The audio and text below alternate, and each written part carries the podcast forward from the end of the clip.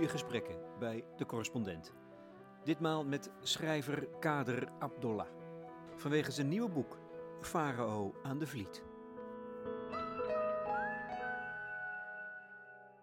Eh, Dat is de, de eh, verkeerde interpretatie van de westerse mens, dat de dood als iets lelijks, als iets...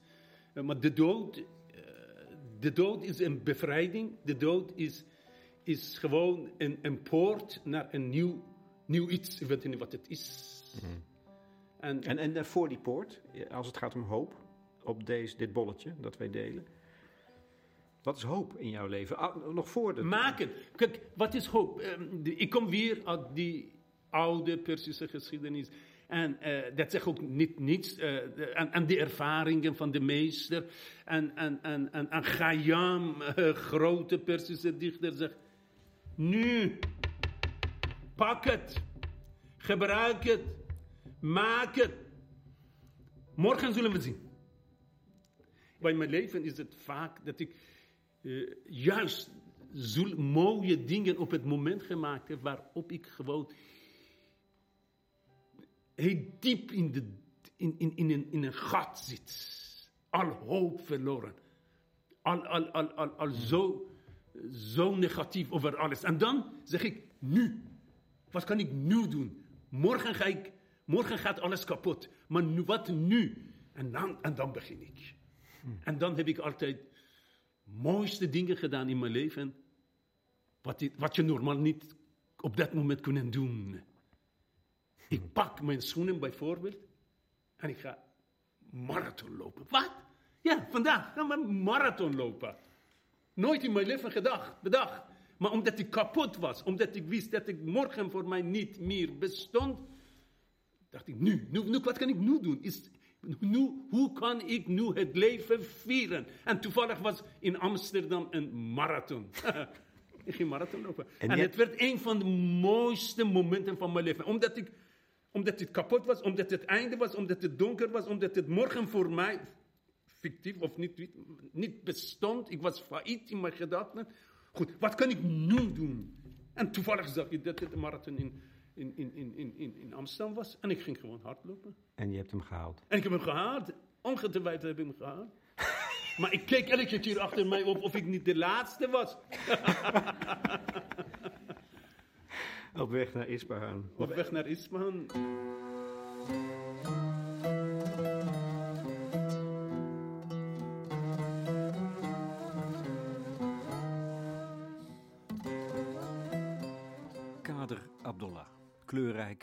Geestdriftig en in vorm. Tijdens dit gesprek dat zich afspeelt in aanwezigheid van publiek. Ja, de schrijver is ook performer, zodra hij naar buiten treedt. Hij is mij dierbaar sinds ik een keertje voor de radio samen met hem op een bootje de IJssel afvoer. En hij op de voorplecht ontstak in een schitterende tirade over de schoonheid van het landschap en van de mensen daar. Door zijn ogen keek ik anders naar Nederland. Hij die in 1988 vluchtte voor de terreur van de Ayatollahs in Iran, zijn geboorteland.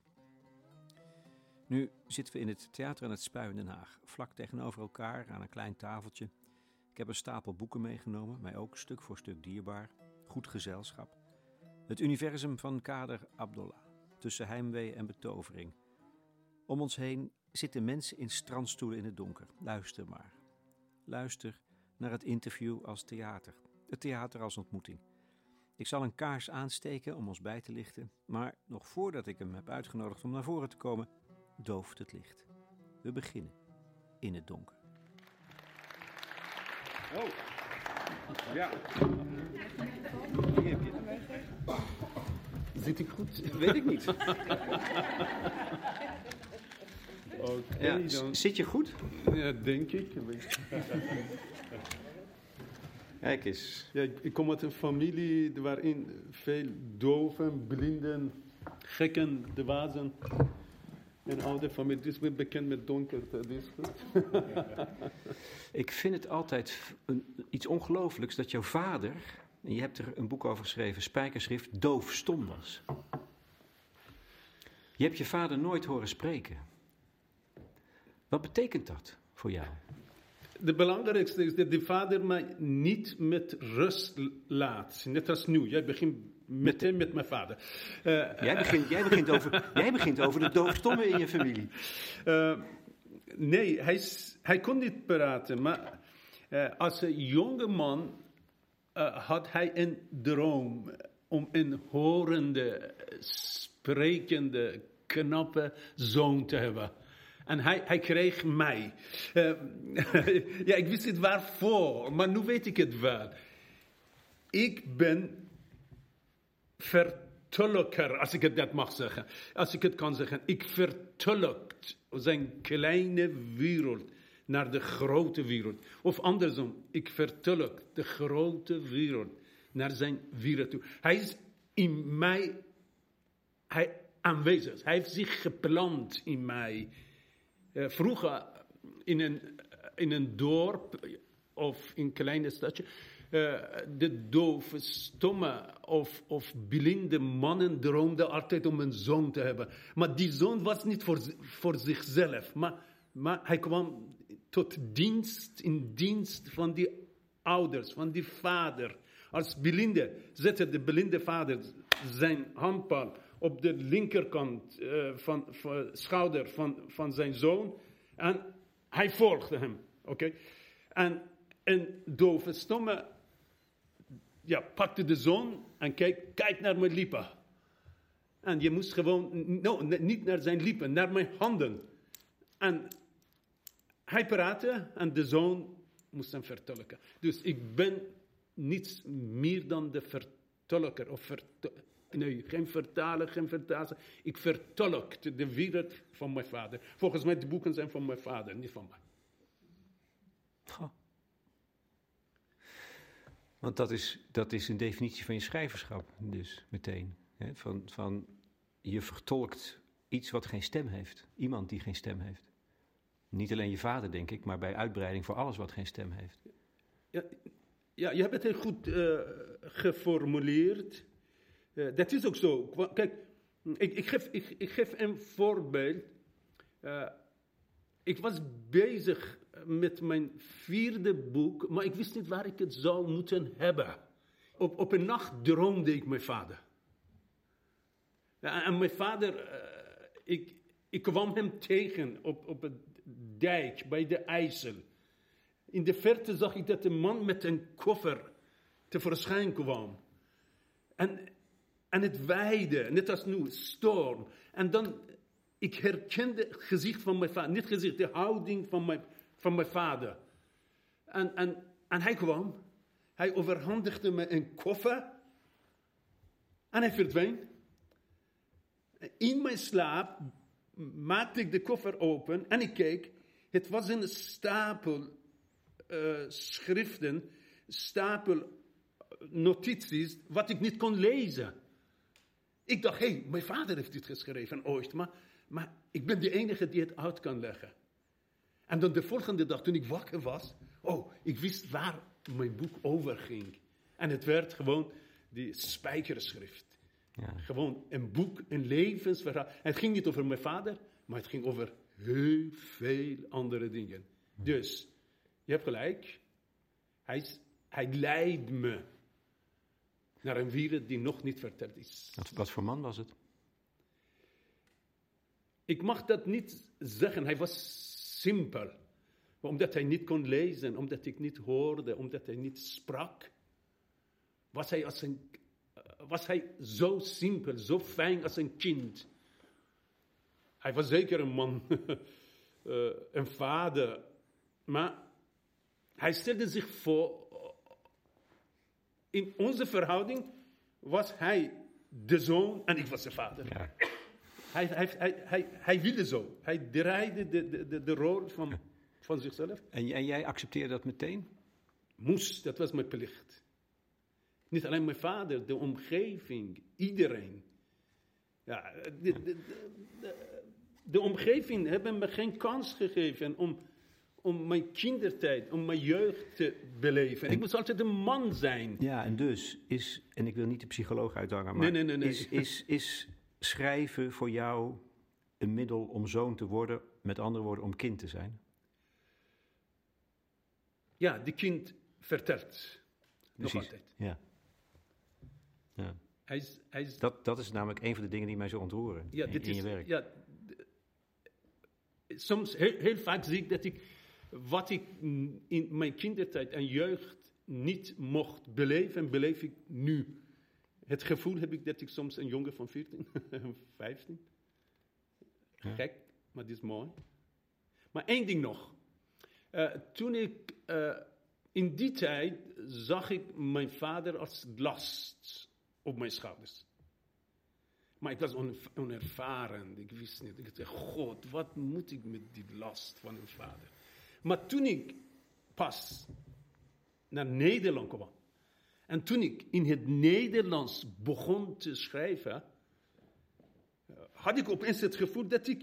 Ik, ik, ik, ik was nog niet in staat om te praten in het Nederlands, maar, eh, maar ik had het gevoel dat ik direct, meteen in het Nederlands kon schrijven. Hoewel ik niet in staat was om in het Nederlands te schrijven. En ik dacht, hé, hey, hoe komt dat? Ja, het kwam door mijn vader. Want een levenslang had ik met mijn vader in een, een kleine gebarentaal gecommuniceerd. En ik dacht, hé, hey, als dertig jaar lang met je dove, stomme vader in die simpele gebarentaal zou gecommuniceerd hebben, zou het ook in het Nederlands kunnen. Gewoon met, eh, met, met grote vandalen, 500.000 gebaartjes. En ik, en ik durfde en ik, begon, en ik begon te schrijven. En, en opeens merkte ik dat die last van mijn vader op mijn schouder, dat een last van goud was. Dat wist ik niet. Het was een ontdekking. Ik heb hem pas in, het Neder, in de Nederlandse taal ontdekt. Dat mijn vader was een gast. Het was een last van goud op mijn schouders. Daar ben ik dankbaar voor het leven. Ja, je schrijft een, een schitterend Nederlands. En nu, nu je dit vertelt, is het nog veel betekenender, denk ik, dat jij Nederlands hebt geleerd met behulp van Annie M. G. Ja. Het was, ja, het was gek. Ja, ik, ik, ik, ik, ik weet niet hoe het kwam, maar ik, ik dacht dat het, dat goud lag voor mij in de Nederlandse taal. En, en, en ik weet dat ik in, in die tijd woonde ik ergens in Zwolle. En ik ging naar de mevrouw van de balie, van de bibliotheek. En ik zei tegen de mevrouw, mevrouw, ooit wilde ik een bekende, beroemde, geliefde Persische schrijver worden. Maar het is niets van terechtgekomen. Nu heb ik een boek nodig, een belangrijk boek. Maar ik heb een probleem. Ik kan het nog niet lezen. En die vrouw voelde meteen de urgentie van mijn eis. En ze liep naar de boekenkast en kwam met zo'n doen boekje, Jip en Janneke. het, was, het, was, het was verrassend, niet verrassend. Eh, eh, eh, ik pakte het boek, ging naar huis als een gelovige jood voor de heilige muur. Begon ik gewoon Jip en Janneke uit het hoofd te leren. En toen ik zo'n drie, zes, zevenhonderd woordjes geleerd had, begon ik in het Nederlands te schrijven. Fantastische, fantastische bedevaart. Ja, Een erfdrager. naar de top van de Nederlandse literatuur. Het was een pelgrimstocht en nog altijd. Ja. Ehm, ongelooflijk. Kijk nog uit je hoofd, Jip en Janneke? Natuurlijk, ik ken, ik ken al die woorden die ik gebruik. dat, dat mag je nergens vertellen. Nu zijn we in het donker. Ik Ja. mag een beetje biechten. En mijn eerste twee, drie boeken heb ik alleen met de woorden geschreven die ik van Jip en Janneke geleerd heb. maar er was, er was wel een geheim in. Ik heb natuurkunde gestudeerd. Ja. En, ook, en ik kende de In, taal Te- van... in, in Teheran. Ja, in Teheran. En ik kende de taal van mijn vader. Er- Het was gewoon de taal van herhalingen. Ja, kijk, ik heb bijvoorbeeld een woord ik van eh, Janneke geleerd. En ik heb het in mijn boek bijna 5000 keer gebruikt. En dan heb je bijna een boek. of heb, of, of, of fiets heb ik van Jip geleerd. En ik heb hem 50 keer in mijn boek gebruikt. Ja, dat is het. Maar ken je nog Zo heb ik mijn boek aangedikt. je?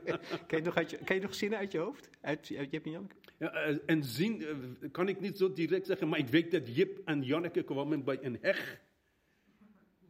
spelen met de heg en er was een gat in de heg. En ze keken door die gat, door de heg en zagen, hé, hey, er is een meisje daar. Is dat meisje? En nog een keer, nee, we hebben nog nooit gezien. Maar ze heeft donkere haren. Hé, hey, kijk, kijk. En ze heeft een ander soort kleren. Oh, er is een nieuwe. Het was een immigrantenkind. Dat weet ik nog. Toen in die tijd waren er nog geen miljoenen immigranten naar Europa gekomen. Maar Annie M. Had het in die tijd gezegd dat ze er komen. Dat ze onderweg waren. Dus door die gat, die heg. Keken ze.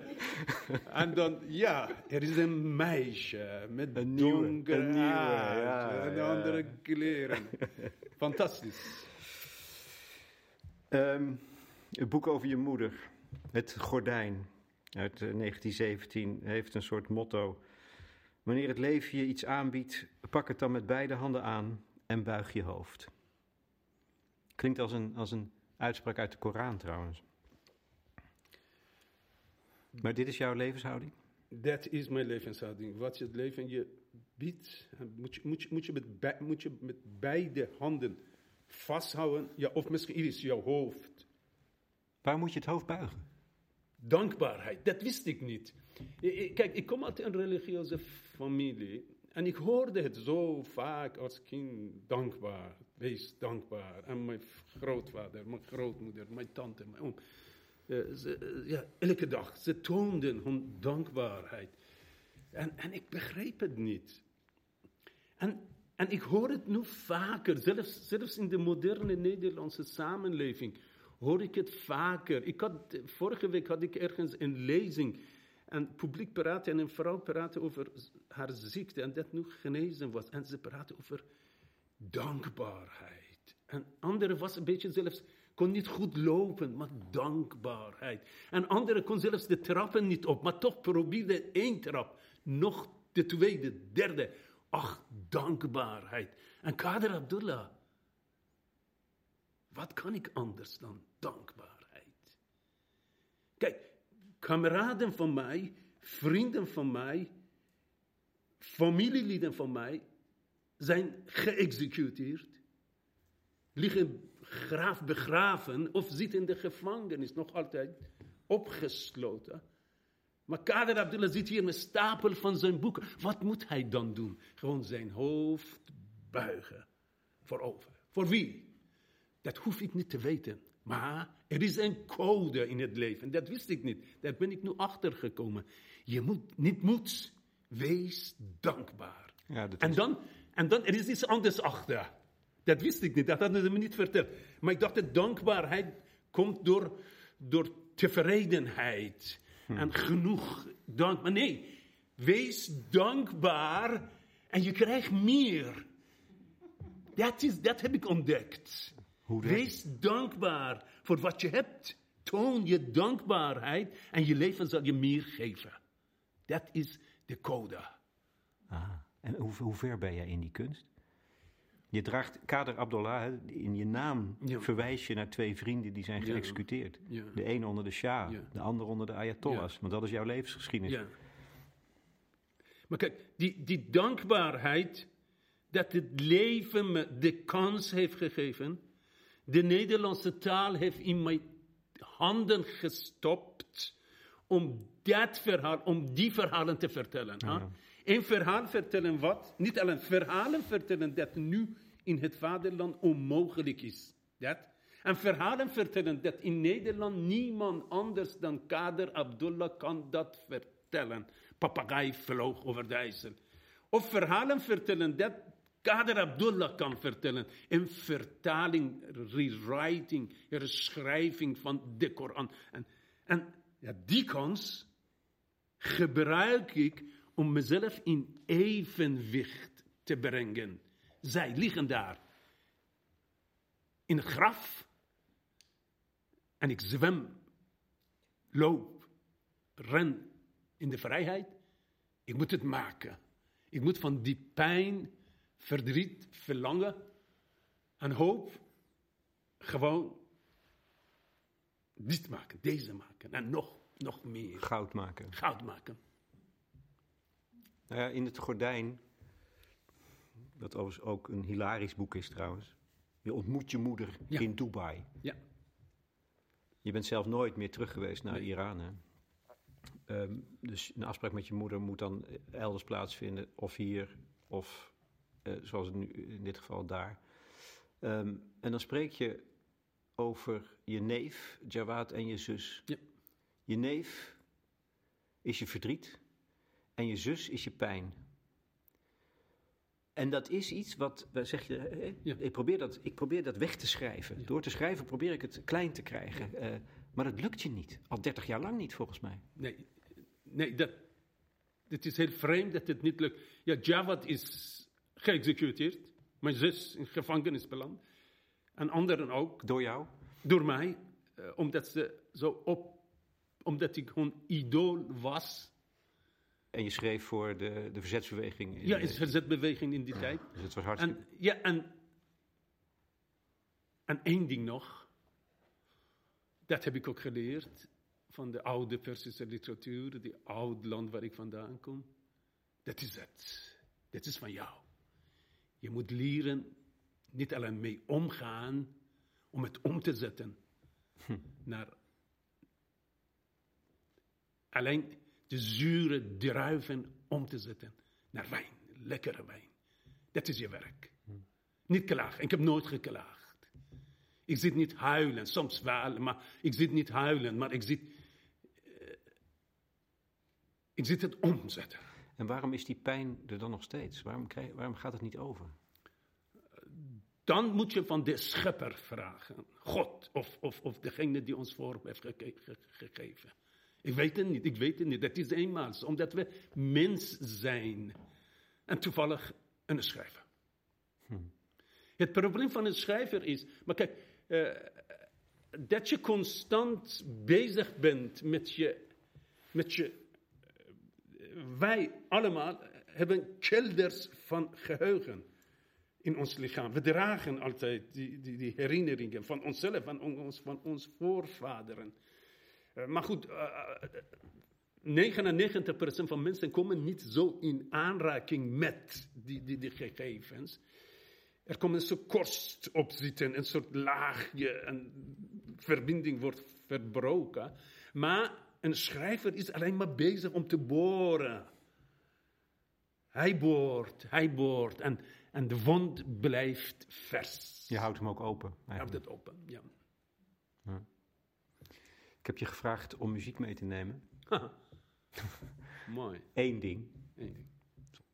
Wil je het toelichten of wil je eerst luisteren? We luisteren.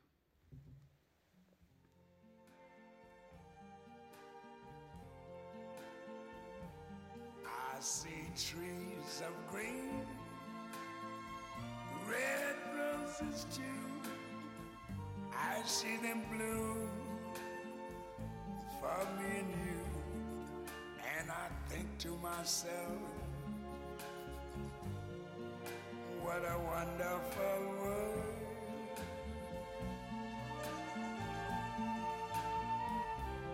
I see skies of blue and clouds of white, the bright blessed day, the dark sacred night, and I think to myself,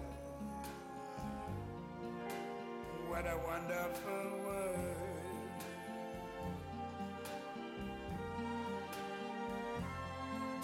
The colors of the rainbow, so pretty in the sky are also on the faces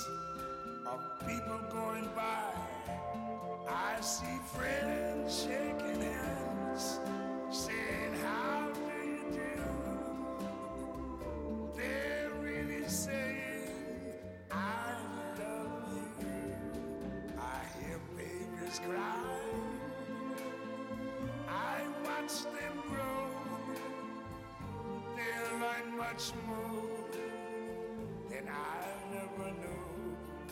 And I think to myself, what a wonderful world. Yes, I I think to myself,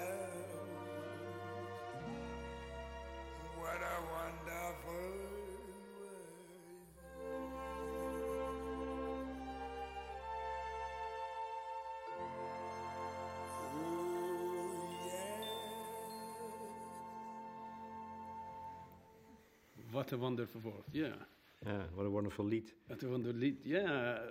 Maar kijk, eh, hij zingt Louis Armstrong. hè? Armstrong, hij ziet, oh, hij ziet dit, dit zong, dit li- lied, liederen in een tijd waar zoveel zwarten worden gedood, kapot gemaakt. Er was, het was gewoon niets anders dan pijn, verdriet, bloed. Maar toch, wat een wonderful woord. En, en hij, hij, hij zag de toekomst. Hij zag die bloemen die bloeiden. En dan, hij, er, er, werd, er werden geen handen gegeven. Toen, toen werd het toen niet tussen, tussen zwarten eh, en zwart en blanken wilden nog geen hand van zwarten drukken. Maar hij zei, hij zei hier, ja, het wordt hand. Ik zei, oh, en goedemorgen. En dan we geven hand met elkaar, weet je. En, en dan, wie ben ik om te klagen?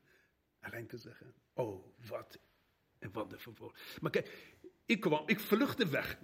Ik vluchtte van zoveel pijn en, en, en ellende en verdriet weg. En oorlog weg. Ik wist, ik wist, ik wist waarom ik wegging, wegvluchtte. Maar ik wist niet wat ik zou krijgen. Maar nu, nu weet ik het wel. Ik, weet ik het wel. Ik vluchtte weg om jullie, om jullie te ontmoeten. Wat een wonderful woord, snap je? Ik, vluchtte weg om, om, om die Jip en Janneke. Ik vluchtte weg om jonge sla. Ik vluchtte weg om donkere kamer van Damocles. Ik vluchtte weg om die regen, die storm te beleven. Ah, wat een wonderful woord. Denk je niet? Ja, ja. ja, dat denk ik wel. Ik vind dat ongelooflijk mooi als je dat zo vertelt, zegt. Ehm, en, en, eh, op het moment dat wij luisteren, is er opeens een verbinding, een directe verbinding tussen de wereld van Louis Armstrong. Ja.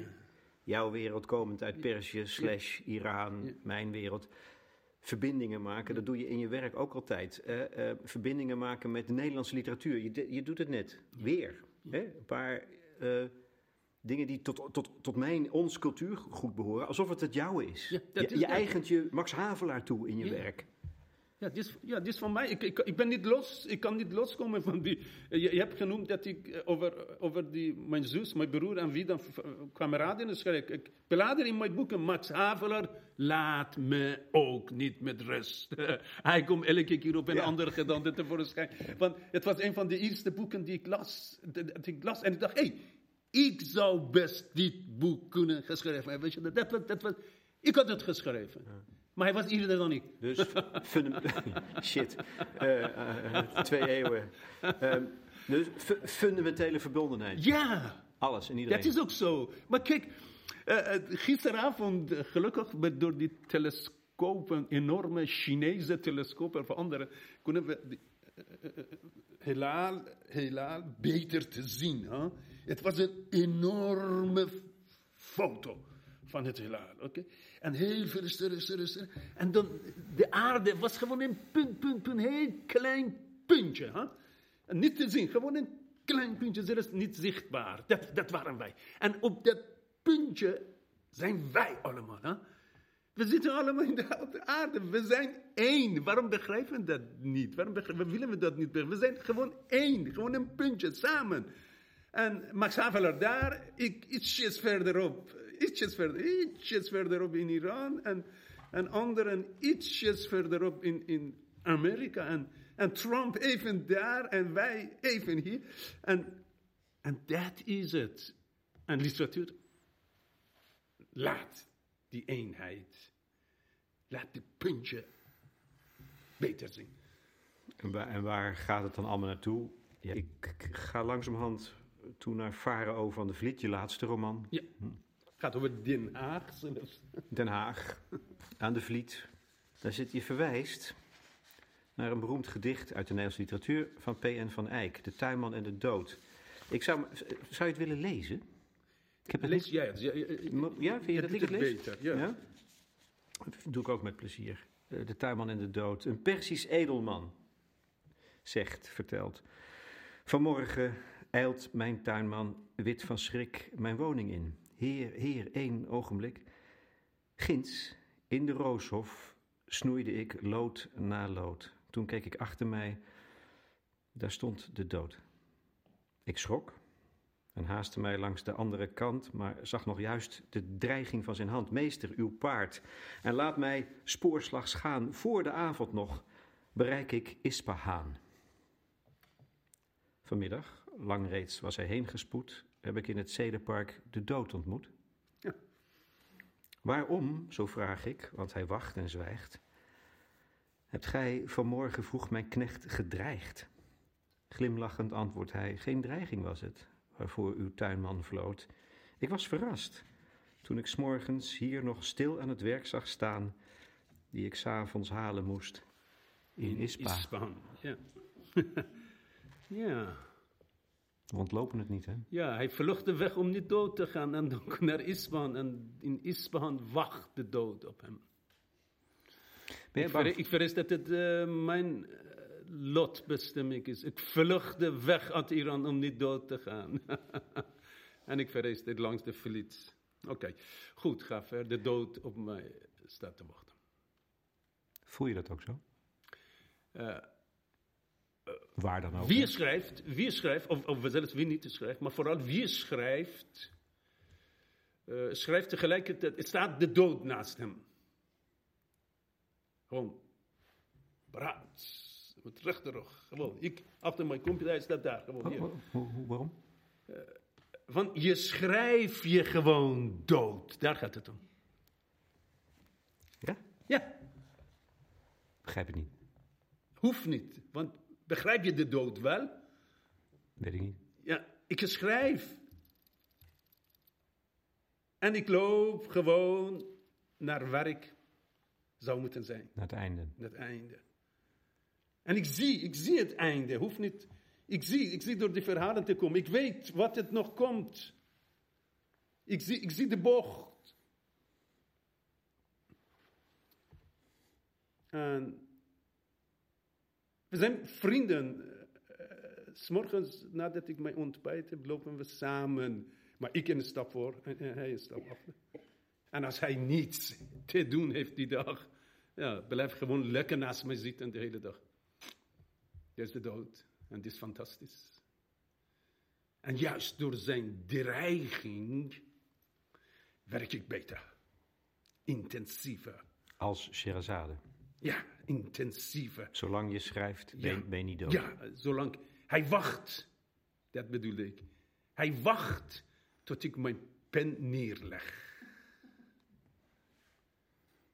Maar ik doe het niet, nog niet. Hij wacht, hij staat. Hij is wel een soort vriend. Ja, hij staat. En omdat hij mij leuk vindt, blijft nog eens staan. Maar, maar ik leg mijn pen niet neer. Ik ben nog harder dan hem. Ja, tenzij hij mij op een ongeacht moment, hoe zeg je dat? Onoplettend moment, op een diepje terugkrijgt. Dat weet ik niet. Hij is, hij is, hij is natuurlijk eh, slimmer, sluwer, ervaren dan Kader Abdullah. Maar ik heb alleen een pen. Machtig genoeg, hè? Maar boezemt die eh, angst in? Die vriend? Nee, Waarom? vriendschap. Is vriendschap. Dit is vriendschap. Dit is, dit is plezier. Want ik weet dat er een einde komt. Snap je? Daar gaat het. Het is zo, zo plezierig om te weten dat er een einde komt. Niet, niet dat ik. Niet dat ik mm, ah, aan alles komt er einde. En dat is de kracht juist van. van eh, ik moet die einde weten om, om, om, om krachtig te kunnen zitten. Ja. De eerste zin van Farao van de Vliet. Zayed Hawas was zijn geheugen kwijt. Hij was alles vergeten en wist niet meer wie hij was. En er zit in deze nieuwe roman van jou, Kader Abdullah, Farao van de Vliet, het idee dat eh, vergeten ook iets fijns is. Als je geen last hebt van het verleden, heb je geen last van het heden. Dat is een geschenk van het leven. Ah, je had het over mijn moeder. Zij is ook altijd aanwezig. En tegenwoordig, ja, hij- zij, zij, ze kampt nu met, eh, met eh, dementie. En elke dag gaat ze zo'n 15 centimeter zakt ze dieper. In, in, Eh, ik heb, ik heb oh, zij is in Teheran, ik praat met, hem dagel, met haar dagelijks gewoon online, WhatsApp, en ik bel haar. En elke dag vergeet ze meer en soms denkt ze, eh, nu, nu, nu me soms niet. Soms denkt ze dat ik mijn vader ben. soms denkt ze, denkt ze dat ik mijn broer ben, mijn jongere broer. En, eh, en, en ik, doe, ik doe alsof mijn jongere broer ben. En ik begin grappige dingen achter de rug van Kader te vertellen. Ik zeg, mam, die Kader deugt niet. Hij is zo arrogant. Hij denkt dat hij een schrijver is, dan, dan dit is. En mijn moeder zegt, nee, dat mag je niet zeggen. Hij is zo'n goede jongen. Hij zei, hij, nee, nee, dat moet je niet wat, zeggen. wat, wat ze nooit tegen jou gezegd heeft, volgens mij recht in je gezicht. Oké, maar, maar één ding, ja, dit is heel gezellig, heel bijzonder. Mijn moeder is, elke, elke eh, andere mensen komen met, met haar praten en be- benaderen ze als, als, als ziek iemand. Zij is, zij is een patiënt. Maar met mij, zij is geen patiënt. Ik spreek gewoon mee. Want ik weet dat ze alles vergeten is. En ik doe ook, ook als ik alles vergeten ben. En en het mooiste is, mijn moeder heeft alles meegemaakt. Wat ik hier schrijf, heeft mijn moeder meegemaakt. Mijn moeder heeft het leven van haar kinderen meegemaakt. Een dove stomme man meegemaakt. Oorlog meegemaakt. Gevangenis meegemaakt. En, en nu opeens alles weg. En mijn moeder, en we praten en ze lacht. Nooit heb ik haar zo licht, lachend, vrolijk gezien. En ik dacht, oh God, zou het ook, ik ook ooit alles vergeten kunnen? Het was, opeens verlangde ik dat ik alles vergeten was. Hoe lang nog, Kader Abdullah? Die oorlog, die revolutie, de ayatollahs, de Koran, Mohammed, gevangenis. Ik wilde dat niet meer. Ik, wilde, ik verlangde om alles weg te zetten. Opeens schoot me een Haagse Egyptoloog te binnen die zijn geheugen kwijt was. Ik wist het niet. Het was zo interessant. Zo, ik had nooit zo'n... Ik wilde niets meer met verleden te maken hebben. Ik kreeg een Haagse. En ik, dacht, oh, wat leuk, wat bijzonder. En ik begon hem te volgen. Want ik wist het hoe. Alleen wist ik dat hij niets wist. En zijn, doch, zijn dochter had zo'n zo'n eh, touwtje op zijn, eh, op zijn nek met een, met een pasje. Dit is mijn vader. Hij is alles eh, geheugen kwijt. Dit is mijn telefoonnummer. Als jullie mijn vader ergens vinden, kunnen mij bellen en komen hem o- ophalen. Dat, dat was de enige die... En ik dacht, oké, ik ga hem volgen. Twee jaar lang was ik met die... Twee plezierige jaren. Misschien het boek is niks. Misschien het boek is mijn lelijke boek ever. Maar het is... Ik heb, ik heb geleefd. Ik heb genoten. Met, met Herman Raven, ik, ik heb met, gewoon met, met die Haagse, met die Haagse Egyp- Egyptoloog. die zijn geheugen kwijt is. En een vriend heeft in Zoetermeer. Ja. En die, dat is eigenlijk een prachtige parallel, denk ik nu opeens, tussen jou en je vader. Die vriend Ja. vertolkt ook de gedachten Ja. van Herman Raven. Precies, goed gezien, ja. Ja, En dan, is het, dit is- en dan is het vriendschap. En het is zo ontroerend, die vriendschap tussen die... trouwens, dat is al in andere boeken ook, maar dit is eigenlijk een ode aan de vriendschap. Hè? Dit is een o- oude. en- Dit is een oude. Het gaat over vriendschap. Een vriend van mij had een verschrikkelijk ding gedaan. En ik was de enige die het wist. Ik dacht bij mezelf: moet ik bij de politie stappen? Moet ik met hem praten? Moet ik het geheim houden? Waar is de grens van vriendschap? Huh? En opeens kwam op een andere manier, de thematiek kwam op een andere manier in, in dit boek. Want dit boek heeft, en, en dan nog eens, er zijn, en achteraf, toen ik het geschreven had, dacht ik, het gaat over vriendschap, je hebt het goed benoemd. Je hebt het over ouderdom. En het gaat over verlangen om terug naar huis te gaan. Dat. Dat. Daar, dat, daar, daar, daar pak ik het ook nog even op. Even voor de mensen die het nog niet gelezen hebben. Deze Egyptoloog is op hoge leeftijd, beroemdheid, archeoloog. Ehm, en op het moment dat hij zijn geheugen kwijtraakt, dringt zich onmiskenbaar naar voren, onvermijdelijk, onontkomen naar voren, dat hij in de kelder van zijn huis aan de Vliet, hier niet zo ver vandaan, bij Voorburg, een mummie heeft liggen. Ja. Zeer kostbare mummie. En hij heeft de papieren erbij die bewijzen dat dat echt is. En hij wil nog één ding, haar terugbrengen naar De plek waar ze waar ze vandaan komt. En die vriend gaat hem daarbij helpen. Ja. Heel lang weet je niet of het waar is of niet. Ja. En dat gaan we ook niet verklappen of het waar is Nee. of niet. Ja. Maar ik denk dat dat ook een van de dingen waar dit over gaat, een relativering is van de waarheid.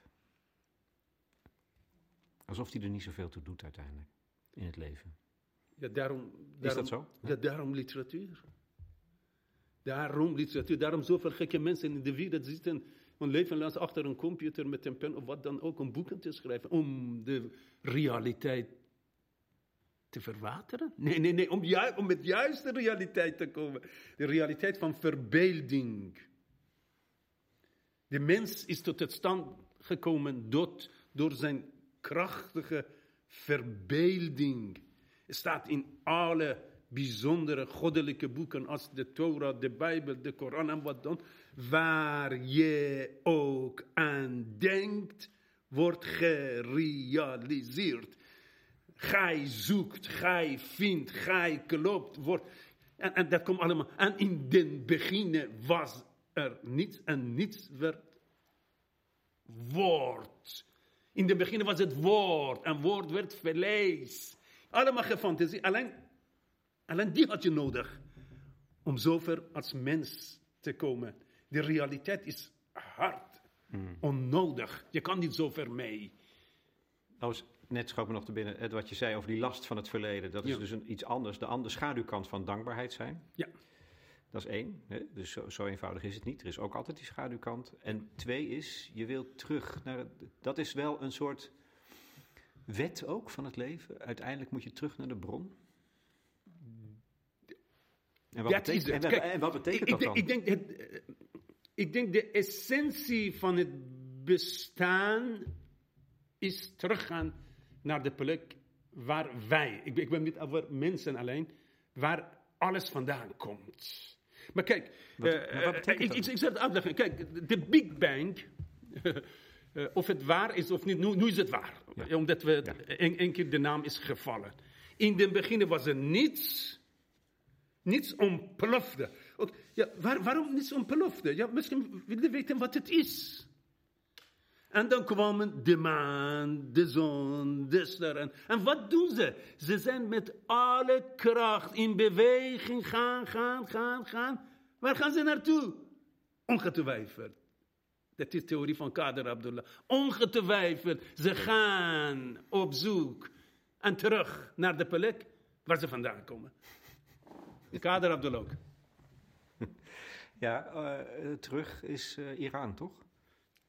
En wat betekent het dat, dat, dat voor jou persoonlijk dat je misschien niet zal sterven in Iran? Vroeger, toen ik nog jonger was, eh, ik dacht ik, oh, jammer, jammer, jammer. Het is, het is niet, ja. Maar nu, eh, jammer, ik moet, ik, zelfs had ik eh, mijn jonge, jongste dochter gevraagd, en zei, ze durft meer, eh, om mij terug naar de plek brengen waar Iran en ik had gezegd, geboortestad, eerste graf, hup, gewoon gooien, zand over. Eh, maar nu, door, door die nieuwe beelden van universum die ik krijg, elke dag zien jullie het op televisie, op, op WhatsApp, op YouTube, wat dan ook. Je zegt, waarom maak je zo druk? Eh, alles is, eh, we, zitten allemaal op die puntje, maak niet eh, 500 meter verder of, of, of 300 ve- verder, dat, dat maakt niet uit. Maar één ding mis ik wel, wil ik toch, toch terug, eh, heb ik mijn dochter gevraagd. eh, hier word je in een kist gestopt, dat kan ik niet tegen. Dus ik vind het zo eng, ja, gewoon in een kist liggen. Maar eh, in, in, in mijn traditie, mijn ouders, vaders traditie, word je gewoon in een wit doek gewikkeld. En kom je, omdat de, aan de aarde is droog, word je gewoon in aarde gestopt, op, op je zij. En dan die voorkant van je gezicht, die, die stof, die wade, hoe noem je dat, lijkwade, die ding wordt opengemaakt. En je, komt met je gezicht in contact met de aarde. En je wordt één. Alles begint daar en je wordt de aarde. Dit dat proces graag wil ik meemaken. En niet alleen omdat ik naar Iran wil. Ze mogen met mij naar Egypte sturen met mijn personages. Ja. Eh, Of, of in Delfgauw, Klein Delfgauw. of in Klein Delfgauw, als ze me met rust laten. Eh, niet eh, na een tijdje eruit. ik wil even niet je, eruit. betaalt, je betaalt voor tien jaar, hè? Nee, Zoiets, ja. nee, in Iran kan je langer gewoon erin. Maar hier moet je eruit. eh, Ja, Eén verwijzing naar het pad van de gele slippers. ja. Wat hierbij past, hè, dat is, eh, gaat ook over de geschiedenis, over een cineast in Iran en, en zijn leven. En die kom je ook tegen in andere Ja. boeken trouwens, Het. Huis van de Moskee. Dat is dat universum-idee, dat je me- de mensen leert kennen, ook in de verschillende boeken. En een van de dingen die. Ik, ik denk dat, eh, dat dat is zo mooi aan literatuur en aan jouw verhalen, dat het ook een manier is om een verhaal te vertellen. Dus schoonheid en verdriet met elkaar te verbinden, heimwee en betovering. Ehm, maar ook om wijsheid een plekje te geven, oude wijsheden. En in dat boek, Het pad van de gele slippers, lees ik op pagina 240. Voor als je het nog wil opzoeken. Wanneer je jong bent, heb je nog niet door dat de paden van je leven eigenlijk van tevoren uitgestippeld zijn. En dat je ze gewoon moet belopen. Dat klinkt, dat klinkt, dat ligt dicht tegen fatalisme aan. Hè? Van, Ja. we hebben ons lot niet in de hand. Dat is ook jammer. Eh, juist, juist niet. Kijk, ik, kom, ik, ik, ik heb geluk gehad.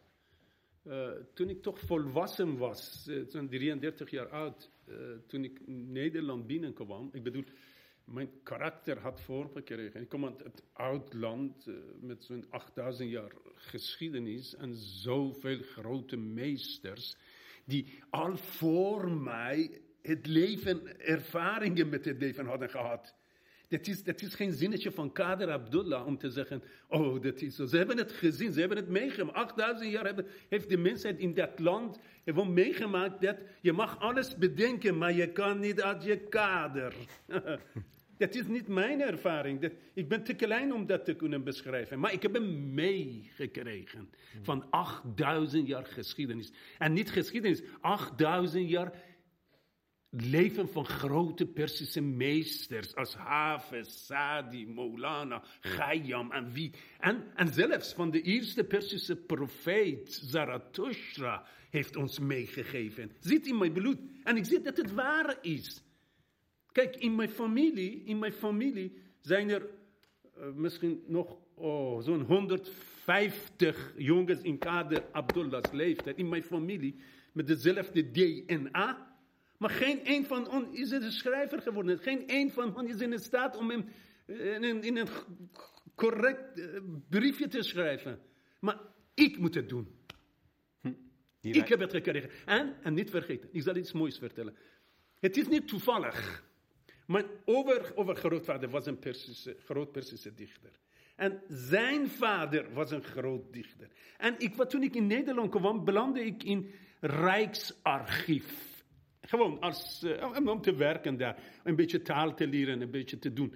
En de directeur van het Rijksarchief Den Haag hier zei een keer tegen me, Kader, kom hier, ik heb iets moois voor jou laten zien. En dit waren de correspondentie van 500, 600 jaar geleden, betrekkingen Nederland, Hollanden en Iran, Perzië in de tijd van Safaviden, oké? En er waren brieven, gewoon handgeschreven brieven, hè? Van wie? Meesterlijke brieven, de naam. Aga Bozorg Chaem Machami Farahani. Mijn over, over, over, overgrootvaders waren gewoon de chroniekschrijvers van de koningen. Dat waren gewoon... Ik ben niet zo groot als hun, maar die talent heb ik gekregen. En ik kan niet weg. Ik, ik, gewoon, ik zit in de kader. Ik moet zitten en schrijven. En dat is, geen, dat is geen formule dat ik bedacht heb. Dat is het zo. Je kan niet weglopen van wat, je, wat het leven je gegeven heeft. Het leven heeft iedereen een goud gegeven. Gewoon. Iedereen heeft een goud binnen. Maar je, je de, de omstandigheden, je, de opvoeding, je kinderen, moeten je kunnen helpen om dat goud te kunnen winnen. En, die, en dat is jouw lot. Je kan nergens naartoe. Ik kom best, ik had natuurkunde gestudeerd, ik kon best gewoon in Leiden gaan als eh, docent. Maar ik zal nooit kunnen gelukkig zijn. Nooit mezelf kunnen zijn. Maar wel, Want ik, want ik beloof buiten wat het leven mij in dat kader gestopt had. het is wel wonderlijk dat ik nu pas besef dat je voornaam als schrijver het woord kader is. Waar je niet uit kunt. Dat, dat kan Kader niet, van ik, Abdullah. ik Kader. kan niet eruit. Ja. Ehm, terwijl je toch ook altijd op een hele charmante manier over jezelf spreekt als in de derde persoon. Op, en nog één ding, hè. Ja.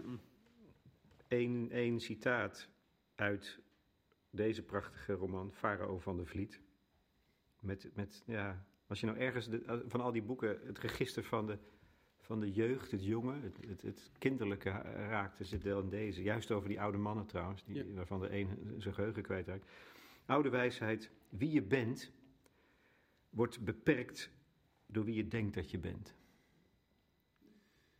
Ja, dat is. Die ga ik de rest van mijn leven met me meedragen. Ja, dat, dat, dat, dat, dat is het. Maar er is ook nog iets dieper in wie je bent. eh, ja, bepaalt eh, wat, je, wat je wil zijn of wat je denkt dat je bent. Dat is, dat is, dat is wereldbekend, voor- vooral onder degenen die goed nadenken.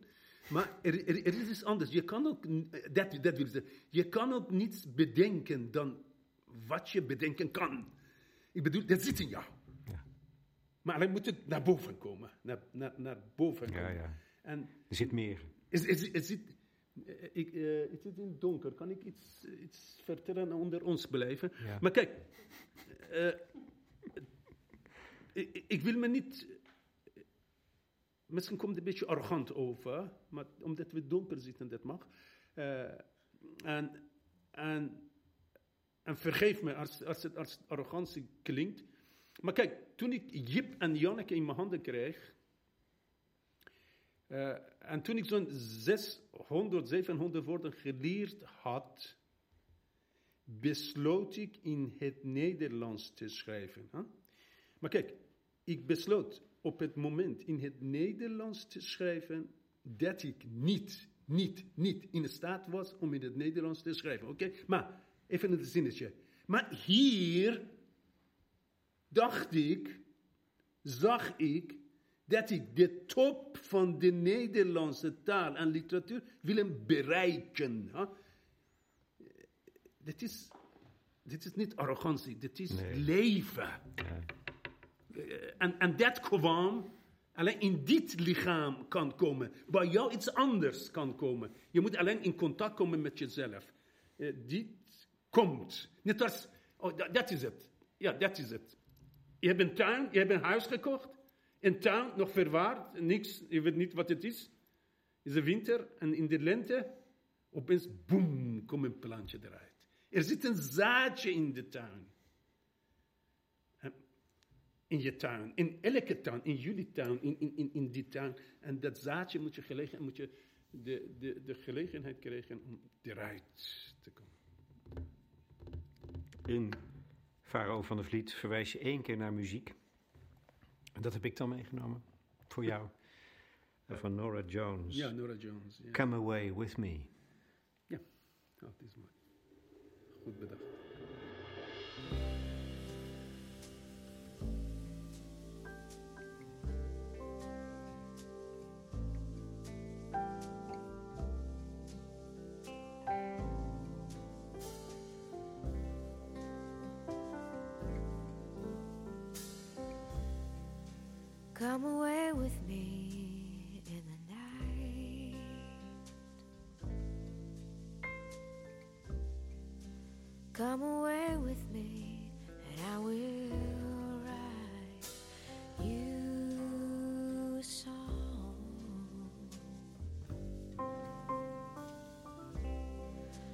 Come away with me on a bus.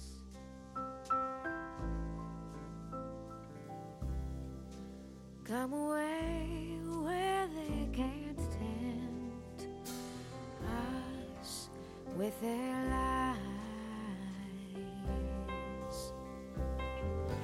And I want to walk with you on a cloudy day fields where the yellow grass grows knee high. So won't you try to come, come away with me and we'll kiss on a mountain top. Come away with me. Het is eh, werkelijk een groot genoeg om je even gezelschap te mogen houden op het pad van de gele slippers. Kader Abdullah, dankjewel.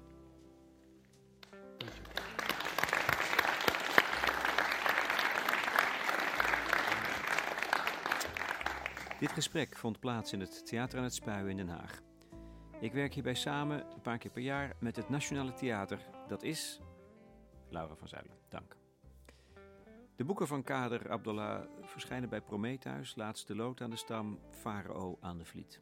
De volgende editie van deze live podcast is op, even spieken, 26 april. Ook in het Theater aan het Spui. En ik weet nog niet met wie trouwens.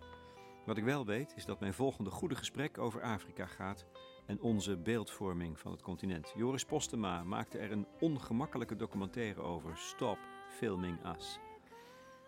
En samen met Nina Polak maak ik een gave serie over geestelijk verzorgers. Daar heb ik ook heel veel plezier in, omdat het ons brengt op plekken waar je niet vaak komt. Zoals in de gevangenis bijvoorbeeld, samen met een boeddhist. Reacties kunnen jullie kwijt op het platform van de correspondent. Toegankelijk voor leden. En je bent al lid voor 7 euro per maand. Dus waarom niet?